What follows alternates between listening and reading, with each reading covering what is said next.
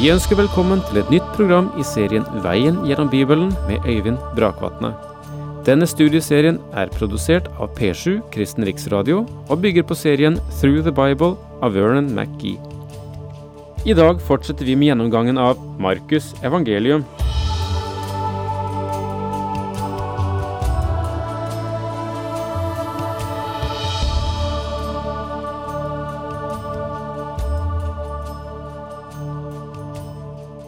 Vi avsluttet sist med å gi en liten kommentar til Markusevangeliets 11. kapittel, versene 12-14, om eh, fikentreet som visnet, som bare hadde løv og ikke frukt.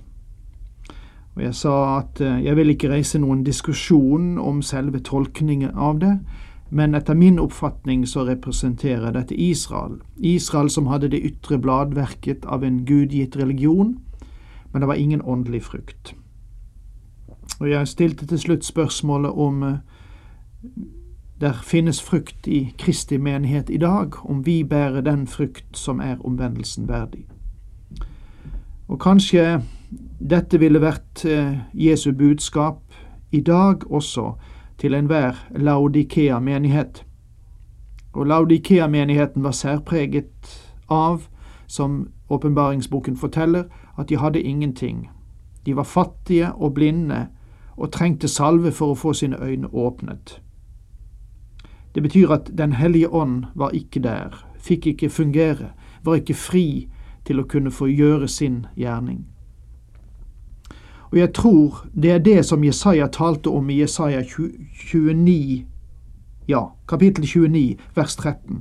Herren sa, fordi dette folket holder seg nær til meg med munnen og ærer meg med leppene, mens hjertet er langt borte fra meg, fordi den frykt de har for meg, er tillærte menneskebud.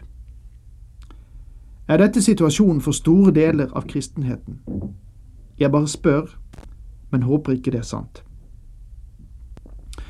Jesus forbannet fikentreet, og fikentreet visnet. Da de kom til Jerusalem, slik står det videre i Markus 11, vers 15, da de kom til Jerusalem, gikk Jesus inn på tempelplassen og ga seg til å jage ut dem som solgte og kjøpte der. Han veltet pengevekslernes bord og duehandlernes benker. Han renser tempelet.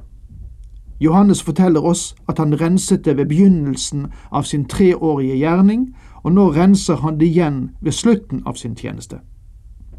Dette fant sted på den andre dagen, og dette var ikke sabbatsdagen. Det var søndag. Pengevekslerne var nå i tempelet. De hadde en plass på børsen og var der slik at når fremmede kom fra andre land, så kunne de veksle penger med dem. Utveksle valuta. De fremmede kunne nemlig ikke bruke sine fremmede mynter, men trengte den mynt som var gangbar i tempelet. Og når disse pengevekslerne foretok sine transaksjoner, så tok de en viss prosent av beløpet for sin tjeneste. På sett og vis tjente det en god hensikt, men saken er at Vår Herre sa at dette var blitt et rede for kjeltringer. Det hadde blitt en religiøs forfalskning. Mine venner, dette er alltid en fare i ethvert kristent tiltak. Vi kan i kristne sammenhenger ikke være nok forsiktige når det gjelder å omgås penger, og vise den ytterste redelighet i alle transaksjoner. Her ser du at hans offentlige presentasjon av seg selv som Messias ikke var noen triumfferd inne i Jerusalem. Han ble forkastet. Jeg liker ikke selve begrepet, og det er ikke skriftmessig å kalle det en triumfferd. Vent til du ser ham en dag når han kommer, og du ser at de som døde i troen på Kristus, skal først opp. Deretter skal vi som er blitt tilbake og fremdeles lever, sammen med dem bli rykket opp i skyen, som det står i første Tessalonika-brev kapittel fire. Da vil du se den veldige skare av mennesker som har stolt på Kristus under mer enn 1900 år. Millioner av hellige stiger frem. Min venn, det vil bli en virkelig triumferende inngang. Personlig tenker jeg meg at det vil finnes sted over en viss tidsperiode. Oppvekkelsen vil skje i et øyeblikk, i et glimt, men paraden har en lang vei å gå. Han skal lede dem til et nytt sted, en ny skapning, et nytt hjem for sin flokk. Og den ferden blir ikke bare til månen, men til det nye Jerusalem. Ja, det blir herlighet over herlighet. Det vil bli triumf. Nå kommer vi til den tredje dagen. Tidlig neste morgen gikk de forbi fikentreet og fikk se at det var visnet fra roten av. Peter husket det som hadde hendt, og han sa til Jesus, Rabbi, se, fikentreet som du forbannet, er visnet. Dette fører til at Herren forkynner noe for dem om bønn. De var overrasket over fikentreet, og det utløser hans tale. Men Jesus svarte dem, ha tro til Gud. Det er interessant at denne undervisningen om troens bønn vokste frem av at Peter gjorde oppmerksom på det visne fikentreet. Du skjønner at første skritt i bønnen må være å ha tro til Gud. Hebreerbrevets forfatter understreker det samme prinsippet. Uten tro er det umulig å behage Gud, for den som trer fram for Gud, må tro at han er til, og at han lønner den som søker ham. Om du ikke tror på Gud, min venn, så har sannelig skeptikerne rett når de sier at bønn er en dåre som snakker til seg selv. Å ha tro til Gud er det første skritt. Sannelig, jeg sier dere, om noen sier til dette fjellet, løft deg og kast deg i havet, og han ikke tviler i sitt hjerte, men tror at det han sier vil skje, så skal det også gå slik. Dette er et vers som kan tenkes å være litt misforstått i våre dager. Kristne trenger ikke å flytte fjell fra ett sted til et annet bokstavelig, men vi trenger kraft til å leve og møte de daglige fjell av omsorg og problemer. Det er derfor Paulus ba for efeserne at Han som er så rik på herlighet, må styrke dere i det indre mennesket med sin kraft og med sin ånd. Efesene 3, vers 16. Vi trenger ikke flere underligheter, men jeg ser klart at vi som enkeltkristne og kristenfolk trenger å bli styrket med kraft ved Den hellige ånd i vårt indre menneske, og det, mine venner, ville være større enn å flytte et fjell. Det er det som er viktig, og det er det, føler jeg, som han talte om når han fremsetter den sterke illustrasjonen for å vise hva bønn kan bety. Derfor sier jeg dere, alt det dere ber om i bønnene deres, tro at dere har fått det, og dere skal få det. Ha tro til Gud. Det gir deg ikke evne til å tilfredsstille dine egne selviske begjær, men ha tro til Gud, så Hans vilje kan skje i og gjennom ditt liv. Men når dere står og ber og har noe å anklage en annen for, da tilgi ham, for at dere kan få tilgivelse hos deres Far i himmelen, for det dere selv har forbrutt. Men om dere ikke tilgir, skal heller ikke deres Far i himmelen tilgi det dere har forbrutt. Her er en forutsetning som den enkelte må møte før bønnen kan bli hørt og besvart. Selv om det siste verset i vår nye oversettelse markeres som fotnote og ikke finnes i de eldste håndskrifter, så er selve denne forutsetningen stadfestet ved andre tilfeller i Skriften. En uforsonlig ånd vil tappe deg for den kraft bønn kan gi, og det er det viktig å forstå. Gud tilgir oss for Kristis skyld, og det er slik vi blir frelst. Men hvis du og jeg skal ha kraft i vårt liv, så må tilgivelse ha en stor plass i våre sinn. Det er meget viktig. Nå møter vi overprestene som kommer ut for å forsøke å felle ham. De kom igjen til Jerusalem. Mens Jesus gikk omkring på tempelplassen, kom overprestene, de skriftlærde og de eldste til ham og sa, Med hvilken myndighet gjør du dette? Eller hvem har gitt deg fullmakt til å gjøre det? De er fremdeles på sporet etter ham. De motsetter seg alt han foretar seg, ved hver given anledning. De utfordret ham nå på spørsmålet om hans autoritet. De var religiøse ledere og autoriteter.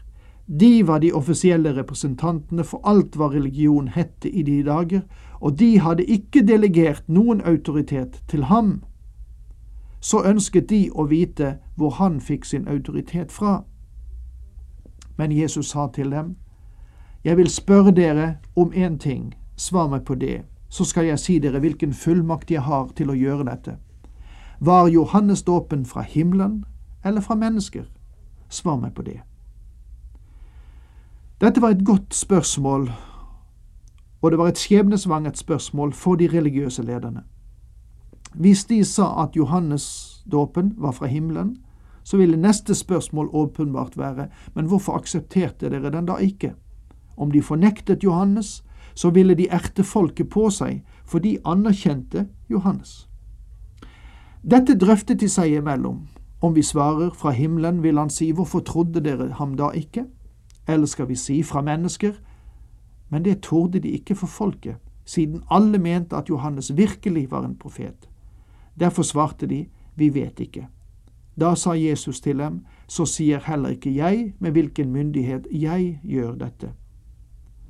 De forsøker å vri seg unna og svare direkte på Jesus' spørsmål ved å stille seg uvitende.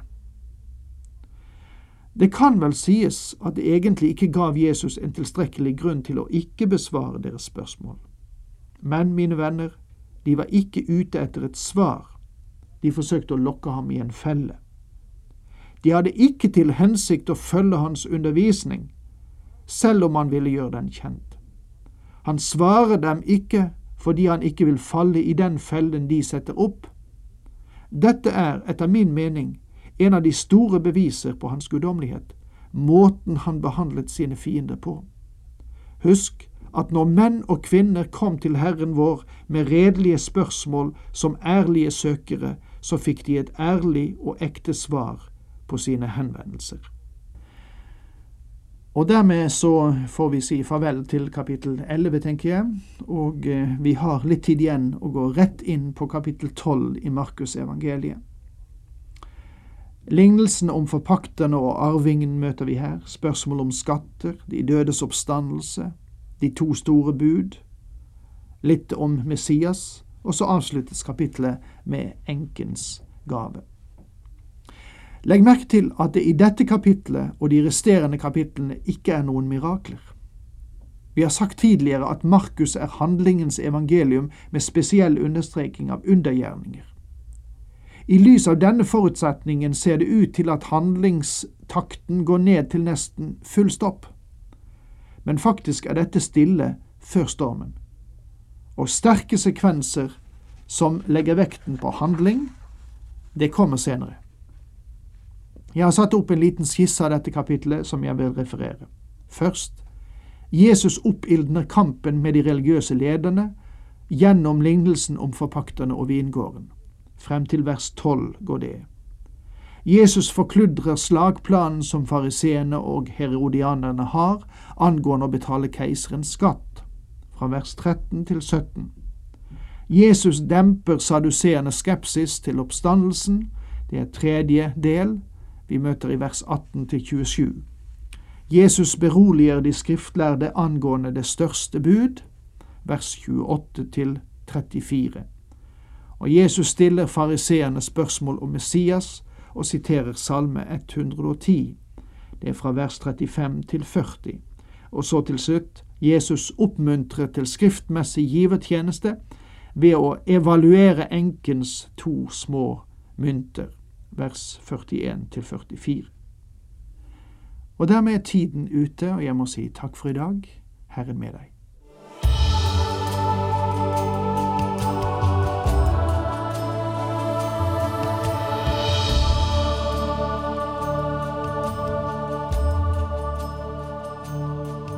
Du hørte Øyvind Brakvatne i studieserien Veien gjennom Bibelen.